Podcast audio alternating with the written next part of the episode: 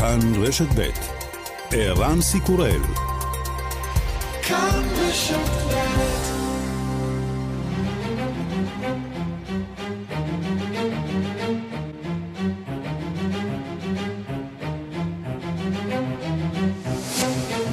השעה הבינלאומית 27 בינואר 2021 והיום בעולם.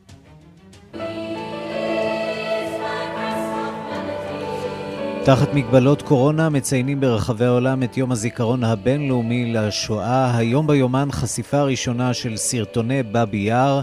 יואב קרקובסקי עם עדויות רוצחים נאצים שעד כה היו גנוזות בארכיונים של ברית המועצות לשעבר, וסרט ההוצאה להורג של עשרות ממבצעי הטבח.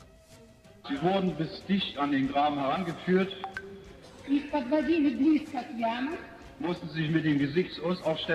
Gesichtsaus aufstellen und wurden so erschossen.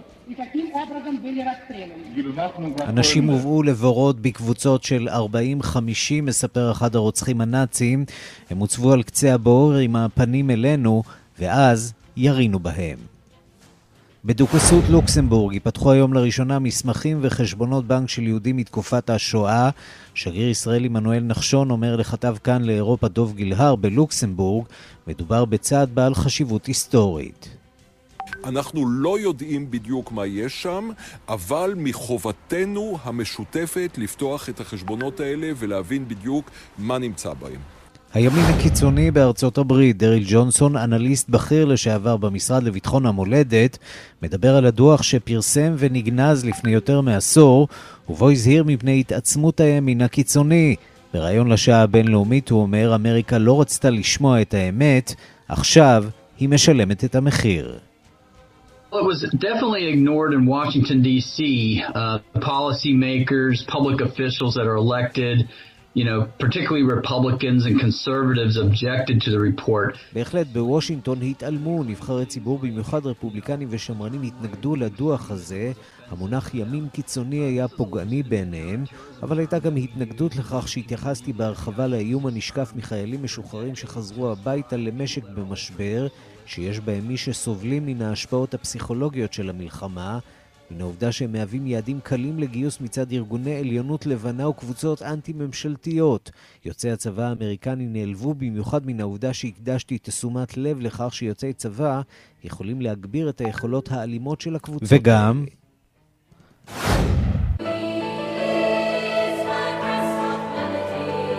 יום הזיכרון הבינלאומי לשואה מצוין לא רק במוסדות הגדולים, אלא גם באין ספור טקסים מרגשים בהשתתפות ילדים מהעולם כולו.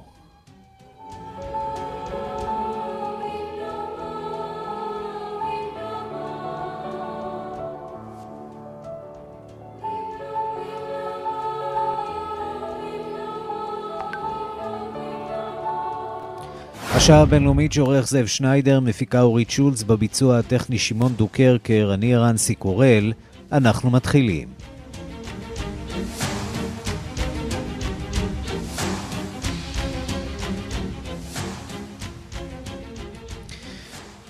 שלום רב לכם, אה, מיד ענייני יום השואה הבינלאומי, אבל עוד קודם לכן אה, כמה עניינים אקטואליים. הליך ההדחה נגד דונלד טראמפ יוצא לדרך אתמול בסנאט, אה, כאשר הסנאטורים הושבעו לש... לשמש שהם מושבעים במשפט ההדחה. שלום לכתבנו בוושינגטון, נתן גוטמן.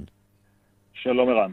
הדיון עצמו ייפתח רק בעוד שבועיים, אבל כבר בפתיחה הפורמלית של הדיון אתמול, התברר שהסיכוי להשיג תומכים רפובליקניים בהדחה הוא קלוש מאוד.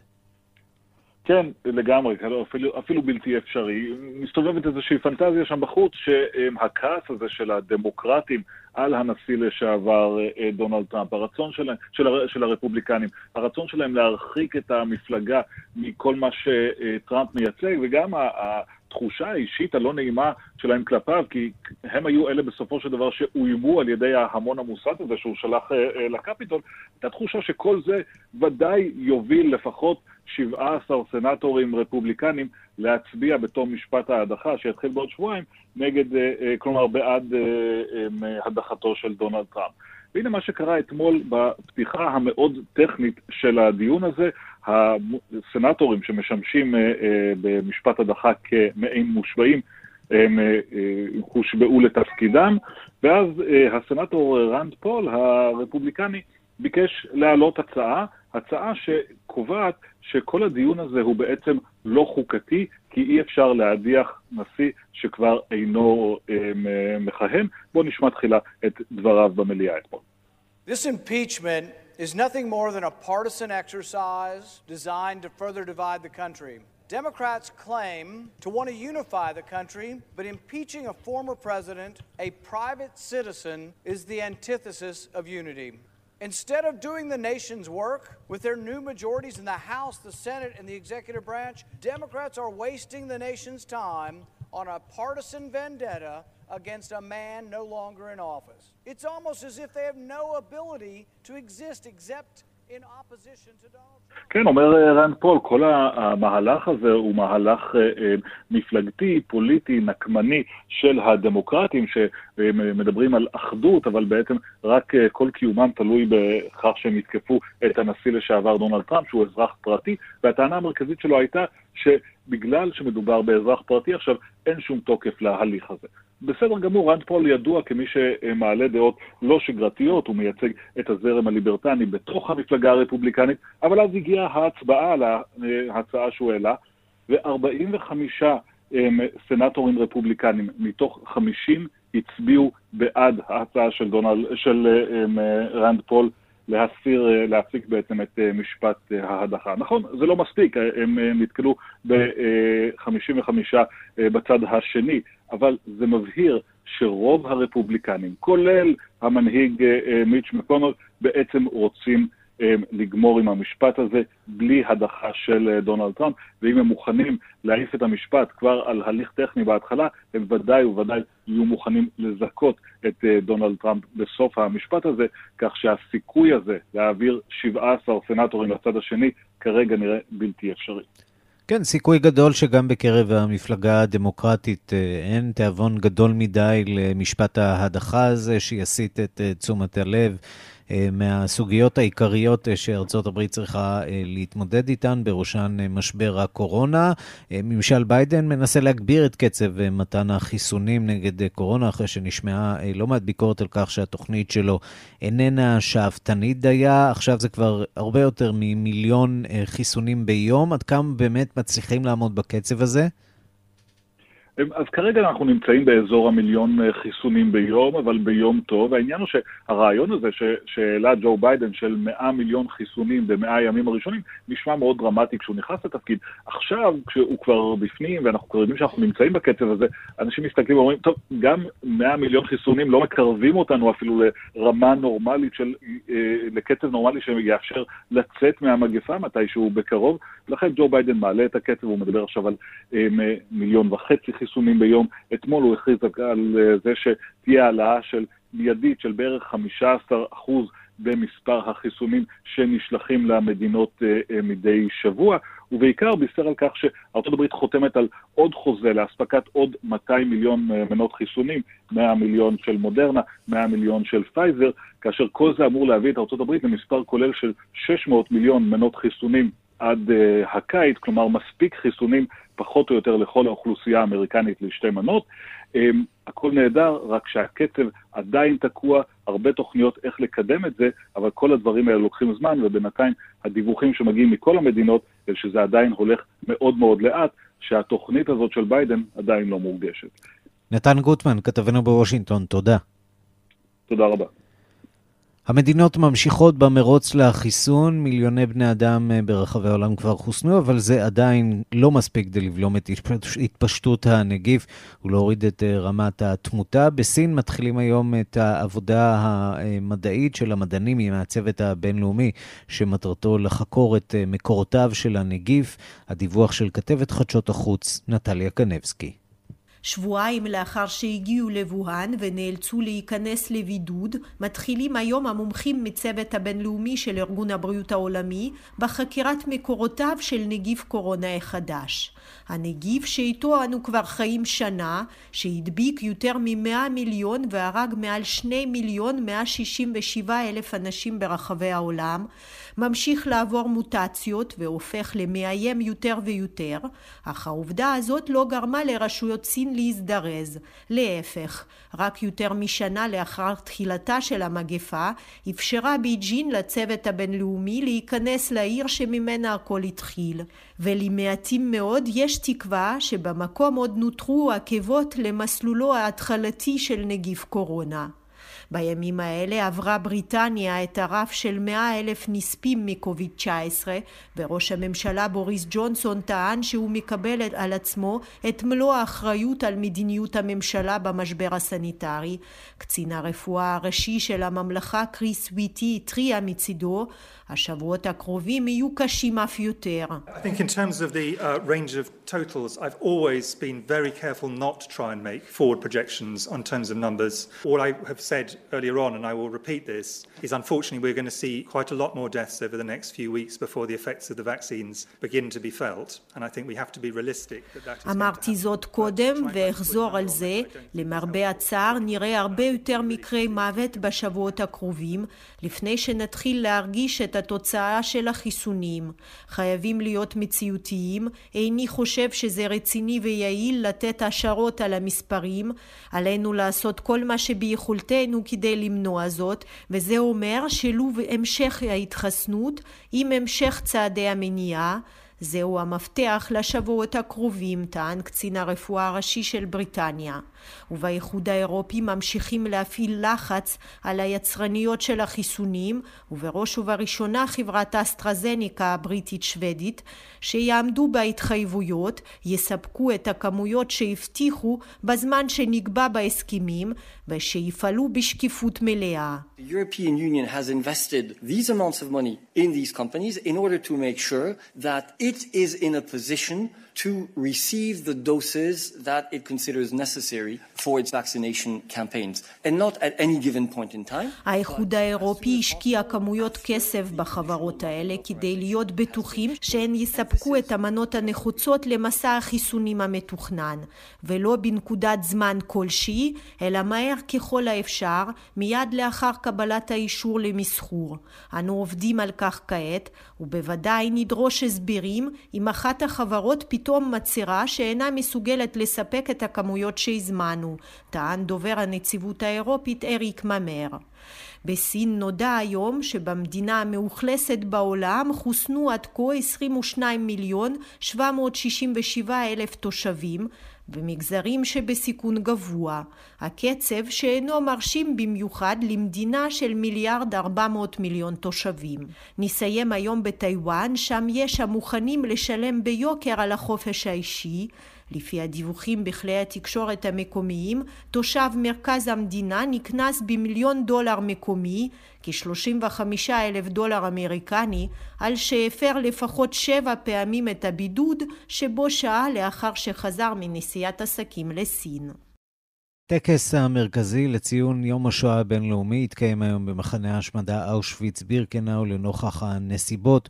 הוא יתקיים באופן אה, וירטואלי. שלום לכתבנו בפולין, ניסן צור. שלום ערן. אה, מה עומד לקרות אה, שם היום? כן, אז הטקס המרכזי במחנה ההשמדה אושוויץ-בירקנאו ייפתח היום בשעה 4 אחר הצהריים. הטקס אה, אמור להיפתח אה, בדבריהם של שני ניצולי שואה פולנים, ומיד לאחר מכן יישאו נאומים אה, גם נשיא פולין, אנג'י דודה, סגנית השגריר הישראלי בפולין, טל בן יערי, ושגריר רוסיה בפולין, סרגי אנדרייב.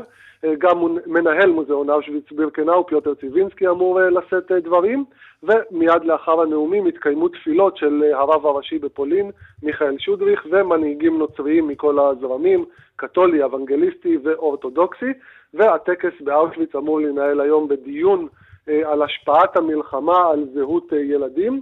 כמו שהזכרת, מדובר בפעם הראשונה שהטקס הזה מתקיים בצורה וירטואלית, כמובן עקב, אה, עקב מגפת הקורונה. אפשר לשמוע מה שאומר מריאן טורסקי, ניצול אושוויץ, יהודי פולני בן 94, שנולד בשם משה טורבוביץ' והתפרסם מאוחר יותר כהיסטוריון ועיתונאי מאוד מוערך אה, בפולין. אה, הוא אמר כמה דברים לציון יום השואה הבינלאומי, אפשר לשמוע. A więc gdyby nawet nie było pandemii, to ilość ocalałych survivorów, którzy mogliby przyjechać... אז מה שאומר מריאן טורקי זה שגם בלי המגפה, מספר הניצולים שיכלו להגיע לטקס זיכרון נוסף על מנת להנציח את השחרור ואת הטראומה שעברנו היה קטן הרבה יותר, במיוחד כעת בתקופת המגפה. ברור שבזמן המגפה אנשים בגילי, קבוצת הגיל, הגיל שרגישה יותר למחלות אחרות, הם בקו האש הראשון של הנגיף. זה מה שאומר מריאן טורסקי, וצריך לציין שבשנה החולפת נרשמה צניחה מאוד מאוד גדולה, דרמטית אפילו אפשר לומר, במספר המבקרים באושוויץ בירקנאו, רק 502 אלף בני אדם ביקרו במחנה אושוויץ בשנת 2020, לעומת 2.1 מיליון מבקרים ב-2019. כמובן, עקב העובדה שהמחנה היה סגור חמישה חודשים ברציפות, גם כעת הוא סגור, כמו כל המוזיאונים בפולין, וכמובן שאין תיירים בפולין, ולכן הירידה הזו. אז גם מנהל מוזיאון אושוויץ בירקנאו, פיוטר ציווינסקי, התייחס גם לעובדה הזו וגם לעובדה שהטקס היום מתקיים בצורה וירטואלית, אפשר לשמוע גם אותו. Nic nie zastąpi tak naprawdę doświadczenia miejsca, przestrzeni autentycznej, bo to nie jest tylko kwestia zobaczenia czy usłyszenia. פיוטר ציווינסקי, מנהל אושוויץ בירקנאו, אומר ששום דבר לא יחליף את ההזדמנות לחוות את המקום האותנטי עצמו, כי לא מדובר רק בלראות או לשמוע, מדובר בלהסתכל סביב, להסתובב, לגעת, לחוות את נקודת המבט ולהבין. ומלבד הטקס היום באושוויץ, גם ראש הממשלה הפולני, מתאוש מרובייצקי, כתב בחשבון הטוויטר שלו על ההיסטוריה של פולין ועל העובדה שהקורבנות הפולניים הם שעיצבו את המדינה, את ההיסטוריה של המדינה ואת הזהות הפולנית. ניסן, נדמה כאילו שעבר הרבה מאוד זמן מאז uh, השנה שעברה, מאז uh, יום השואה הבינלאומי, או כמו שאנחנו מעדיפים לקרוא לו, uh, יום הזיכרון הבינלאומי לשואה. להיום. אז, לפני שנה, היינו בשיא של עימות ומתיחות בין ישראל לפולין על רקע זכר השואה, על רקע הטקסים שהיו כאן בישראל ללא נציגות פולנית. מה השתנה בשנה הזאת, גם ביחסים וגם בכלל ביחס של העם הפולני לזיכרון השואה, אם בכלל? עוסקים בזה בכלל? כן, עוסקים הרבה מאוד בפולין. קודם כל אפשר לומר שהאווירה באמת נרגעה לעומת השנה, השנה שעברה שהייתה מאוד מתוחה. גם ראינו הרבה מאוד תקריות על רקע אנטישמי, שחלקן, אפילו חלקן הגדול, עבר לא, ללא תגובה, ללא עונשים משמעותיים. צריך להגיד שמפלגת השלטון הנוכחית, מפלגת חוק וצדק, שנכנסה לתפקידה ב-2015, היא מפלגת ימין, יש שאומרים גם ימין קיצוני, לאומנית, וכמו שאמר היסטוריון פולני מפורסם, יאן גרבובסקי, ששוחחתי איתו מספר פעמים, היא רכבה על הנמר הלאומני כל הדרך לשלטון. הם הציגו מצע אה, מאוד לאומני שכלל גם את אותו חוק פולני שהזכרת, אה, וגם הרבה מאוד אה, ביטויים אחרים של לאומנות פולנית, והאווירה הזו חלחלה לציבור הפולני. אפשר היה לראות פתאום הרבה מאוד לאומנים מרימים את ראשם, הרבה מאוד גילויי אנטישמיות. ללא תגובה, ובכל מערכת בחירות היה תמיד את אותו פוליטיקאי תורן שגייס במרכאות כמובן את היהודים לטובת קמפיין הבחירות שלו, וטען שהיריבים בסך הכל הם משרתם של היהודים. אפשר רק לציין דוגמה אחת בדברים שאמר שר החינוך הפולני, פשמיסלב צ'רנק, שבתפקידו הקודם כמושל מחוז לובלין, ששם אגב נמצא מחנה השמדה מיידנק, הביע התנגדות לאנדרטה לזכר יהודים שנרצחו על ידי פולנים, וכינה את הקמת אותה אנדרטה שערורייה אנטי-פולנית. נושא נוסף, שכמובן בשנים האחרונות אפשר לשמוע יותר ויותר בפולין, היא הטענה של פולנים שהיהודים נכסו לעצמם את השואה ושוכחים כי גם היו הרבה מאוד קורבנות פולנים. גם נושא השבת הרכוש היהודי שנגזל על ידי פולנים כמובן מעורר כאן זעם גדול וטענות שמדובר בסך הכל בניסיון של יהודים לקחת רכוש מפולנים ולגרום לקריסה של הכלכלה הפולנית, כך שהאווירה עדיין מתוחה, למרות שזה לא כמו שהיה בשנה שעברה. ניסן צור, כתבנו בפולין, תודה. תודה לך. ולרגל יום הזיכרון הבינלאומי לשואה נחשפים צילומים חדשים שלא הוצגו עד כה לציבור, עדויות מצמררות מטבח באבי יאר שבאוקראינה. יואב קרקובסקי, אתה חושף את הסרטונים האלה. כן, ערן, אז נתחיל אולי קודם בחלק היותר רשמי, היום יום הציון יום השואה הבינלאומי, יום הזיכרון לשואה הבינלאומי, והיום מתקיים גם באוקראינה יום ציון שכזה, ולפני זמן קצר נשיא אוקראינה, ולדימיר זילנסקי, אומר את הדברים הבאים: היום הוא יום חשוב בהיסטוריה של אוקראינה ושל העם כולו. השואה הייתה תקופה נוראית בהיסטוריה של אוקראינה, והיום אנחנו מכבדים את זכר הקורבנות בבאבי יאר וכל קורבנות השואה, והיום נחנכה גם אנדרטה חדשה אה, בקייב על מנת אה, לציין את אה, הטבח הזה של באבי יאר, והוא בהחלט הנושא המרכזי שעליו אנחנו הולכים לדבר בדקות הקרובות, במסגרת הקמת המוזיאון החדש שאמור לקום בבאבי יאר.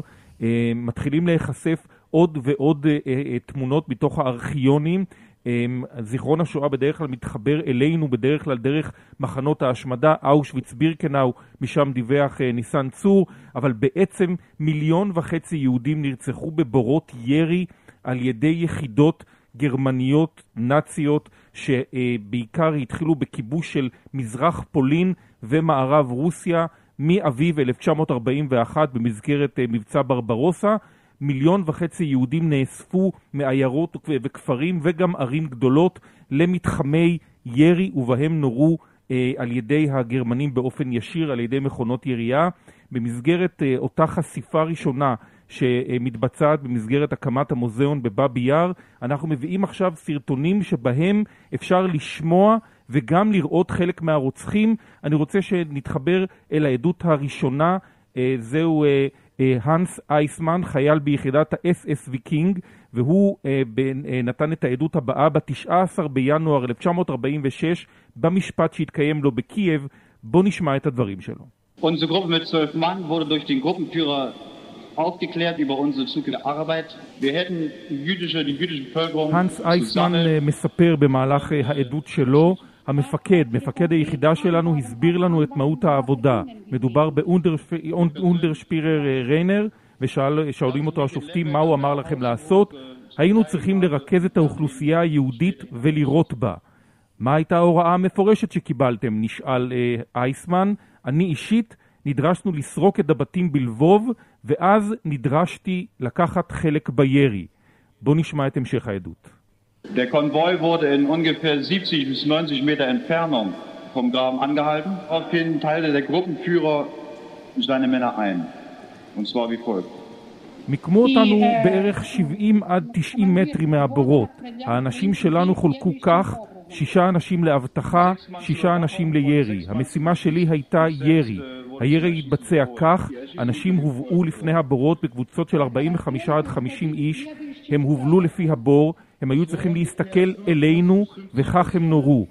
אלה הם היו כלי הנשק שהיו ברשותנו, היו לנו מכונות ירייה, שני תתי מקלע והיתר עם אקדחים. אני עצמי יריתי בתת המקלע של המפקד שלי. בכמה אנשים ירית? הוא נשאל. בלבוב יריתי במאה ועשרים בני אדם. אתה באופן אישי ביום אחד? לא, זה המספר הכולל, מסיים אייסמן את עדותו. יש ואיזה קור רוח צריך אה, להגיד, עדות אה, מצמררת אה, שמבהירה אולי לכל מי שמנסה להכחיש את השואה עד כמה היא חיה וקיימת והתרחשה שם. חד משמעית, ואנחנו עד היום יצא לנו לקרוא לא מעט עדויות, יומנים של חיילים שהיו באיינזץ גרופן, באותן יחידות מיוחדות שתכליתן היה לנקות את השטח במזרח פולין ומערב רוסיה, אה, במסגרת מבצע ברברוסה, אותו, אה, אותם בורות הירי. קראנו את זה ביומנים, עכשיו אפשר לראות את האנשים האלה בעיניים, מדברים ומסבירים את מה שהם עברו. הנה עדות של אה, בוריס דרחן, היא ניתנה ב-22 בינואר 46, הוא היה חייל בגדוד האוסטלנד. Beim Gruben stand ein Spezialkommando bestehend aus SD-Männern und aus Männern gewählt aus dem Polizeibataillon 320, die der Erschießung mittels Genickschuss durchführen. יחידות מיוחדות, אנשי האס-דה ואנשים שנבחרו מתוך הגדוד המשטרתי N320 עמדו ליד הבור. ירו באנשים תוך שהם מכוונים את כלי הירייה לעורפם של הקורבנות. אנשים מבוגרים הוכרחו לשכב בתחתית הבור ושם הם נורו. הילדים נלקחו מידיהן של האימהות ונורו. מרביתם של היורים, מעיד אה, בוריס דרחן, היו שטויים. הוא נשאל על ידי השופטים היו, האם היו ילדים שהושלכו לבור. כן, הם הוחזקו בידיים והושלכו ונורו בבור. האם היו ילדים שהושלכו חיים? את זה הוא אומר, לא ראיתי. אנשים התחננו, הנשים התחננו על חייהם של הילדים, אמהות ניגשו אלינו בתחינה על ילדיהן. הן התחננו לשמור את התינוקות בחיים. הן היו מוכנות לשלם בחייהן על מנת להבטיח את שלום תינוקיהן. במהלך אותו היום עצמו נורו 25 אלף איש. אז בכמה אנשים יריתם? הוא נשאל על ידי השופטים, הוא אמר לפחות 25 אלף.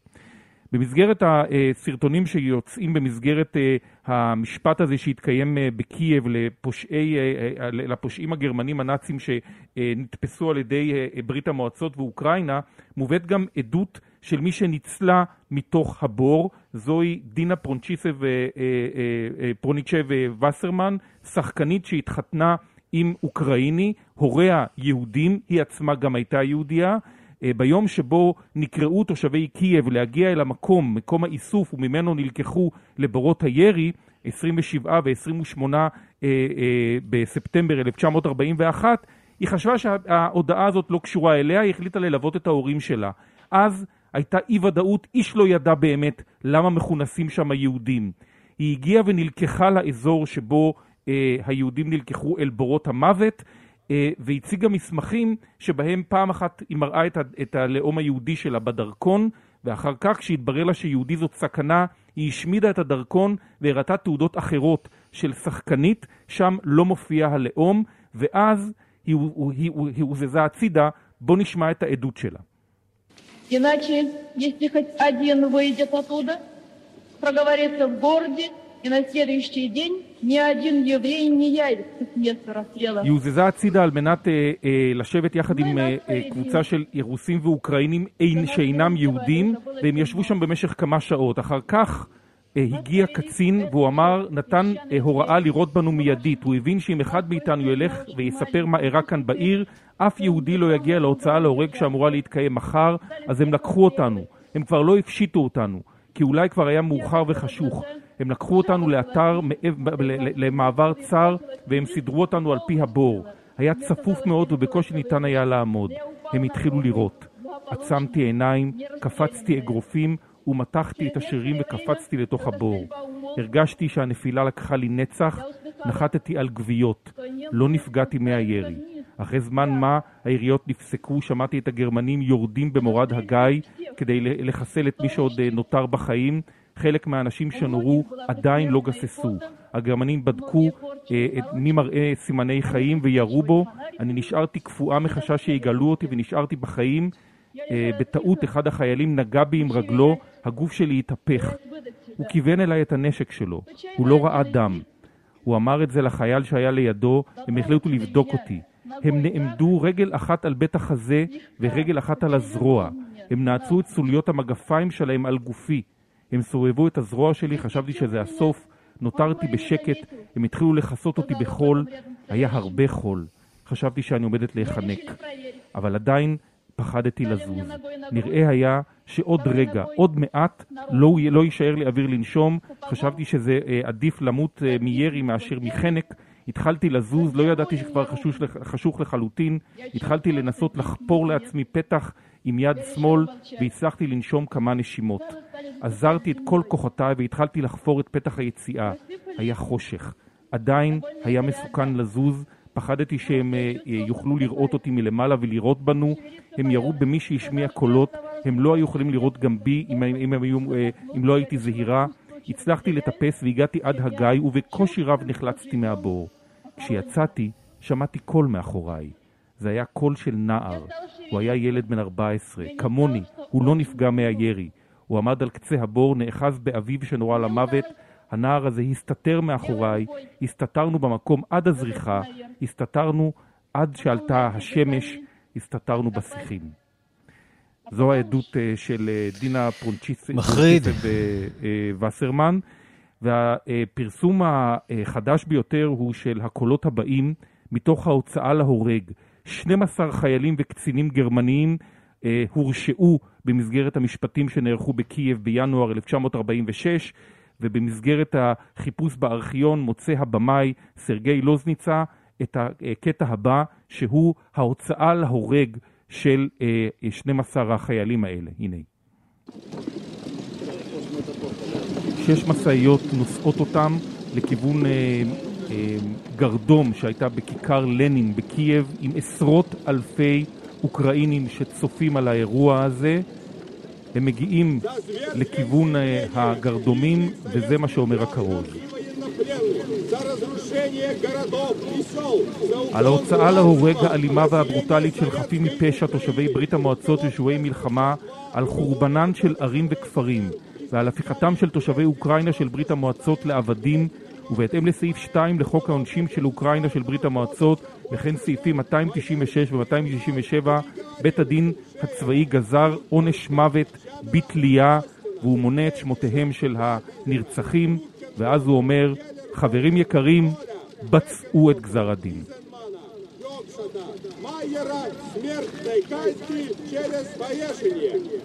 Товарищ комендант, приведите приговор в исполнение.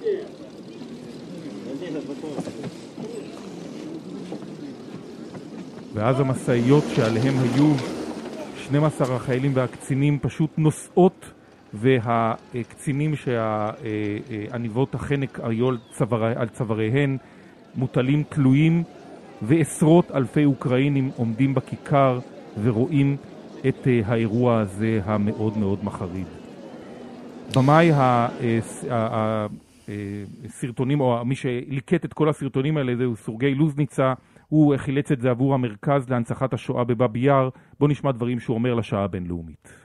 I now have a unique opportunity to access film archive both in Germany and in Eastern עכשיו יש לי את ההזדמנות הייחודית לחשוף את החומרים שנחשפים בארכיונים במזרח אירופה ובגרמניה ולאסוף חומרים מצולמים מ-1941 עד 43 כשהאזור היה תחת כיבוש גרמני נאצי. המטרה שלי היא להבהיר את הטרגדיה של באבי יאר. זה חשוב לא רק לצורך הנצחת הטבח, אלא אולי לשפוך אור על המניעים שהביאו לטבח הזה בידי הרוצחים הגרמנים. יואב קרקובסקי, תודה על העדויות הקשות האלה. אנחנו uh, מזמינים אתכם, אם תרצו, uh, לצפות uh, בתמונות המאוד מאוד קשות, שהן בהחלט קשות לצפייה, אבל מצד שני יש להן חשיבות היסטורית גדולה בעמוד הפייסבוק של כאן ב'. תודה, יואב. תודה רבה, ערן.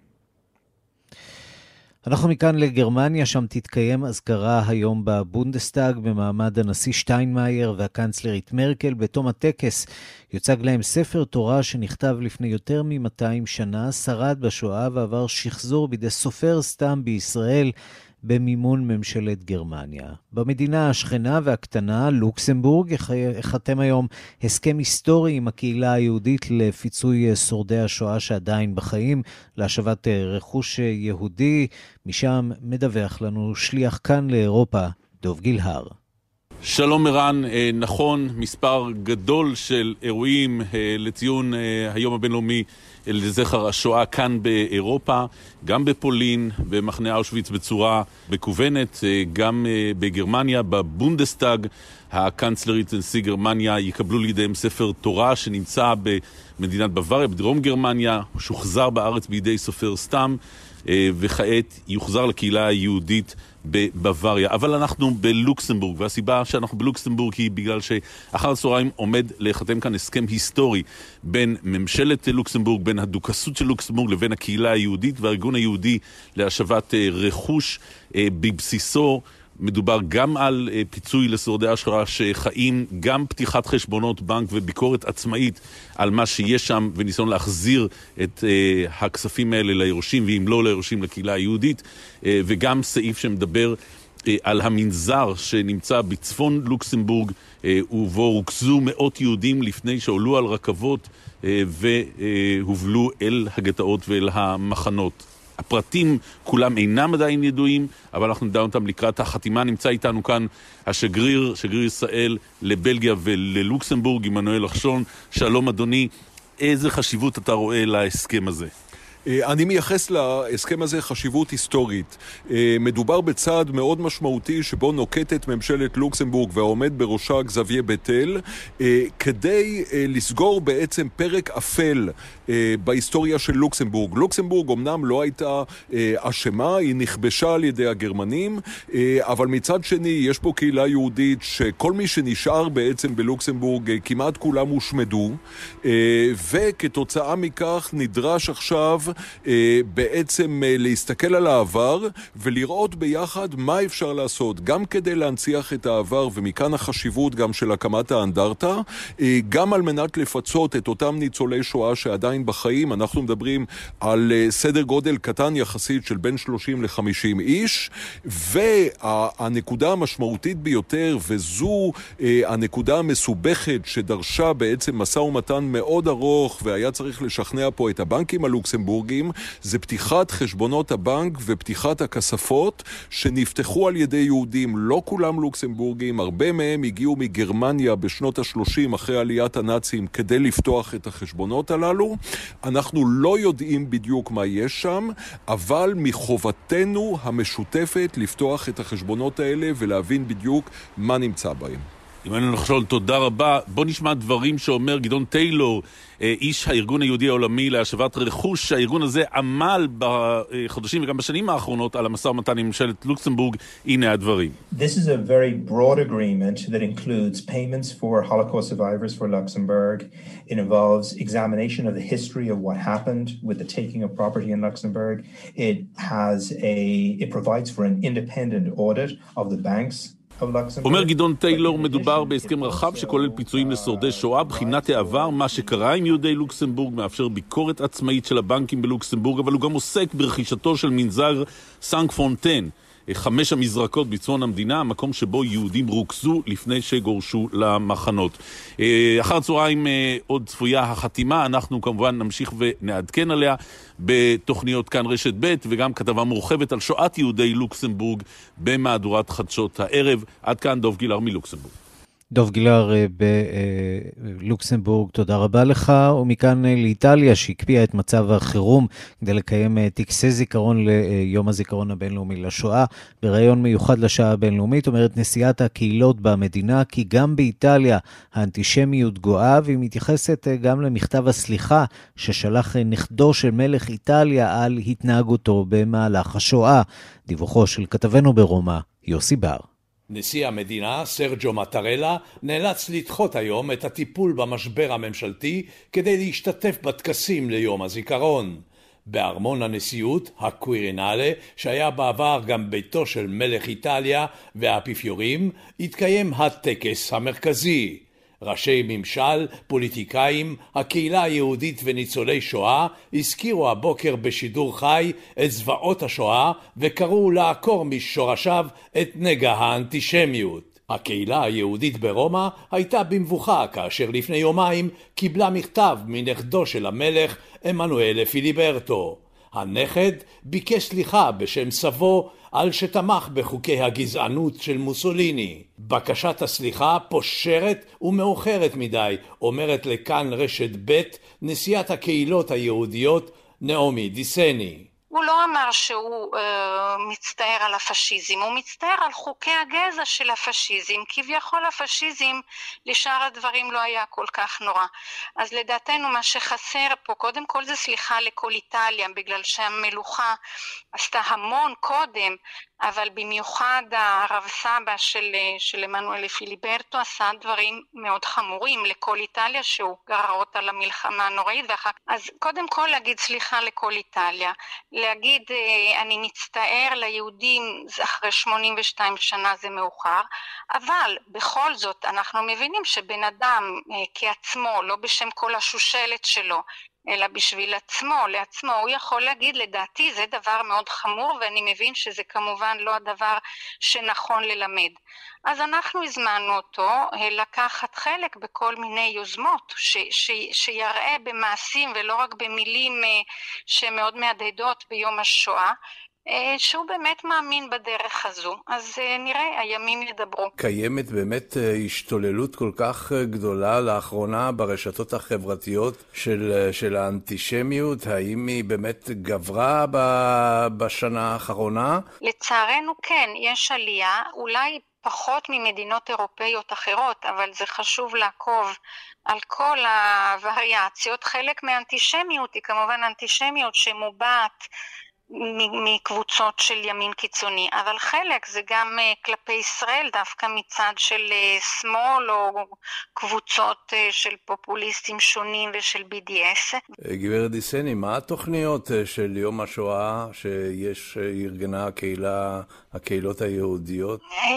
יש באמת אין סוף אירועים ואנחנו מנסים כמובן, זה, אנחנו לא רוצים שזה יהיה כל כך משהו שמארגנים היהודים עצמם. עצמם, כי זה יום, ה...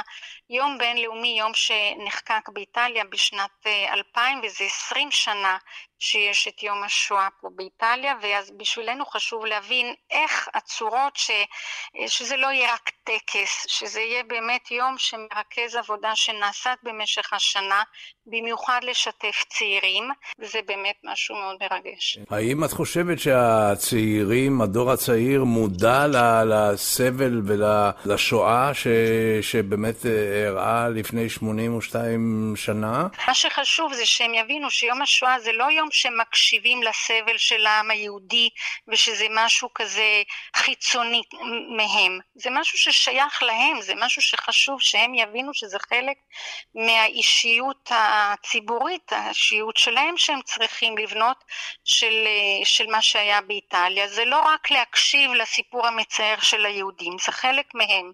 כאן יוסי בר, רומא. ומעבר להווה להתעצמות הימין הקיצוני בארצות הברית שקיבלה ביטוי במהומות בגבעת הקפיטול לפני שלושה שבועות. Outrage tonight over an intelligence report. Critics say the Department of Homeland Security document unfairly paints military vets as right-wing extremists. זה קרה באפריל 2009, שנה אחרי כניסתו של ברק אובמה לתפקידו. דוח שחיבר דריל ג'ונסון, אנליסט בכיר במשרד לביטחון המולדת, מודלף לתקשורת. בראשו מסקנה אחת ברורה, הימין הקיצוני במגמת התעצמות, והוא מגייס לשורותיו יוצאי צבא. בימין האמריקני זעמו וטענו כי את המשרד לביטחון המולדת מנהלים עכשיו אנשי שמאל קיצוני שמנסים לצוד פטריוטים אמריקנים. השרה לביטחון המולדת, ג'נט נפוליטנו, אפילו נאלצה להתנצל. Some things in, in my initial days have gone very well at the department, some things have not. And that was probably uh, the worst uh, thing. Uh, I've apologized for that report. Uh, it was not authorized to be distributed. יש דברים שהלכו טוב בימים הראשונים לכהונתי, דברים אחרים פחות, וזה כנראה הדבר הגרוע ביותר. התנצלתי על הדוח הזה שלא הושלם. הרפובליקנים נעלבו, ההקצנה הימנית נדחקה לקרן זווית בעיסוק של כל גורמי המודיעין האמריקניים.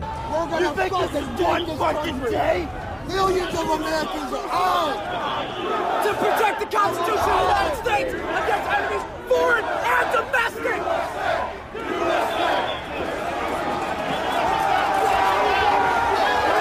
היום לפני שלושה שבועות הביט אותו דריל ג'ונסון, מחבר הדוח, בתמונות שהגיעו מגבעת הקפיטול בזעזוע, אך לא בהפתעה. עכשיו, כשהוא אנליסט עצמאי, הוא כבר יכול לדבר על הדוח המגונה ההוא, שניסה למנוע את המציאות היום. בריאיון מיוחד לשעה הבינלאומית הוא אומר, אמריקה נרדמה בשמירה. What made my report so unique is Uh, at the time, we were overwhelmingly focused on overseas threats from Al Qaeda and its affiliates.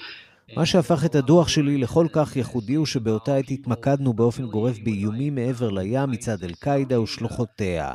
הייתה דאגה רבה בארצות הברית מאנשים המזוהים עם דאעש ואל-קאעידה, עד לנקודה שבה הטרור האסלאמי הפך למוקד העיקרי שלנו למלחמה בטרור. ניסיתי להזהיר שאנחנו עומדים לראות שינוי בסביבת האיומים מבית ולא מעבר לים. למרבה הצער, המסר שלי הלך לאיבוד בפוליטיזציה שנוצרה לאחר שהדוח הודלף. אתה מרגיש שהתעלמו מהדוח הזה? Well, it was definitely ignored in Washington, D.C. Uh, policymakers, public officials that are elected, you know, particularly Republicans and conservatives objected to the report. בהחלט בוושינגטון התעלמו, נבחרי ציבור, במיוחד רפובליקנים ושמרנים, התנגדו לדוח הזה. המונח ימין קיצוני היה פוגעני בעיניהם, אבל הייתה גם התנגדות לכך שהתייחסתי בהרחבה לאיום הנשקף מחיילים משוחררים שחזרו הביתה למשק במשבר, שיש בהם מי שסובלים מן ההשפעות הפסיכולוגיות של המלחמה, מן העובדה שהם מהווים יעדים קלים לגיוס מצד ארגוני עליונות לבנה וקבוצות אנטי-ממשלתיות. יוצאי הצבא האמריקני נעלבו במיוחד מן העובדה שהקדשתי תשומת לב לכך שיוצאי צבא יכולים להגביר את היכולות האלימות של הקבוצות האלה. ומה השתנה מאז 2009? These groups have made great strides uh, over the past 10 years to infiltrate the mainstream.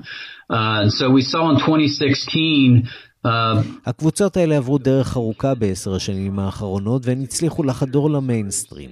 בשנת 2016 ראינו את המועמד דאז דונלד טראמפ מסתובב בחוגים האלה, מפלרטט איתם ברטוריקה שלו. את הרעיונות המרכזיים שלו, כמו בניית חומת גבול לאורך הגבול הדרום-מערבי עם מקסיקו, איסור על מוסלמים להיכנס לארצות הברית, איום בגירוש המוני של מהגרים, ראיתי באופן ברור בפורומים של עליונות לבנה לפני 20 שנה. אצל טראמפ הרעיונות האלה הפכו למדיניות, הלגיטימציה אפשרה צמיחה גדולה לקבוצות האלה תחת ממשל טראמפ. והשלטונות עדיין מתעלמים? That same jurisdictional infighting, the stovepiping of information, one hand not knowing what the other is doing. אנחנו עדים לאותו מאבק בתחום סמכויות השיפוט, מציאות שבה יד אחת לא יודעת מה האחרת עושה. צריך לתקן את זה. אתה יודע, חלק מהבעיה היא להפוך לצוות מאוחד נגד אויב משותף. עד כמה מדובר בקבוצות מסוכנות וחמושות לדעתך? Uh, they're very well armed, uh, particularly the militia groups. They've been known for stockpiling. הם חמושים מאוד, במיוחד המיליציות. יש להן מאגר שכולל את כל סוגי הנשק והתחמושת, יש להם התמחות בחומרי חבלה. אנשי עליונות לבנה הם איום קטלני מבית כאן באמריקה כבר כמה שנים. למיטב הכשרתי והבנתי, אנחנו צריכים להיות מודאגים מאוד מהמיליציות בגלל היכולת האלימה שיש להן. והמגפה רק החמירה את האיום. Is the U.S. government, the, the state governments issuing uh, different uh, masks. מה שהסעיר אותם הוא ממשלת ארצות הברית, הממשלים במדינות השונות שמפרסמים צווים שמחייבים עטיית מסכות, סגירת עסקים, הגבלת התכנסות לעשרה אנשים או פחות. המיליציות וקבוצות אנטי-ממשלתיות אחרות רואות בכך פגיעה בזכויותיהן החופשיות הריבוניות. הם לא אוהבים שהממשלה מתערבת בעניינים האישיים שלהם ואומרת להם מה לעשות. ולכן הרבה מהאנשים האלה מתריסים, הם התייצבו בבירות המדינות שלנו חמושים למאבק נגד הסגרים והכללים. המגפה העמיקה ואישרה את הפחד והפרנויה של האנשים האלה. אתה יודע, כאן בישראל אנחנו היינו המומים מסמלים ניאו-נאצים מקרב המתפרעים, חולצות של הכחשת שואה.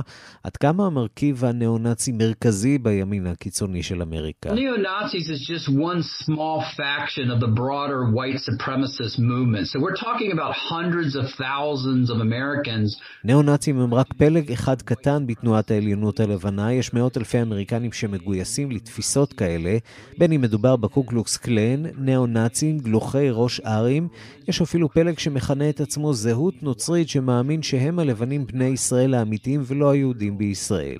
מגוון רחב של אנשים. זה מדאיג במיוחד מכיוון שהקבוצות האלה גדלו משנה לשנה. אני חושב שהמצור על הבירה עורר סוף סוף את המחוקקים שלנו, משום שהאיום הזה הגיע לפתחם. ואני מקווה שהפחד הזה יתורגם ליותר תשומת לב ויותר כסף ומשאבים שיוקדשו לבעיה הזאת.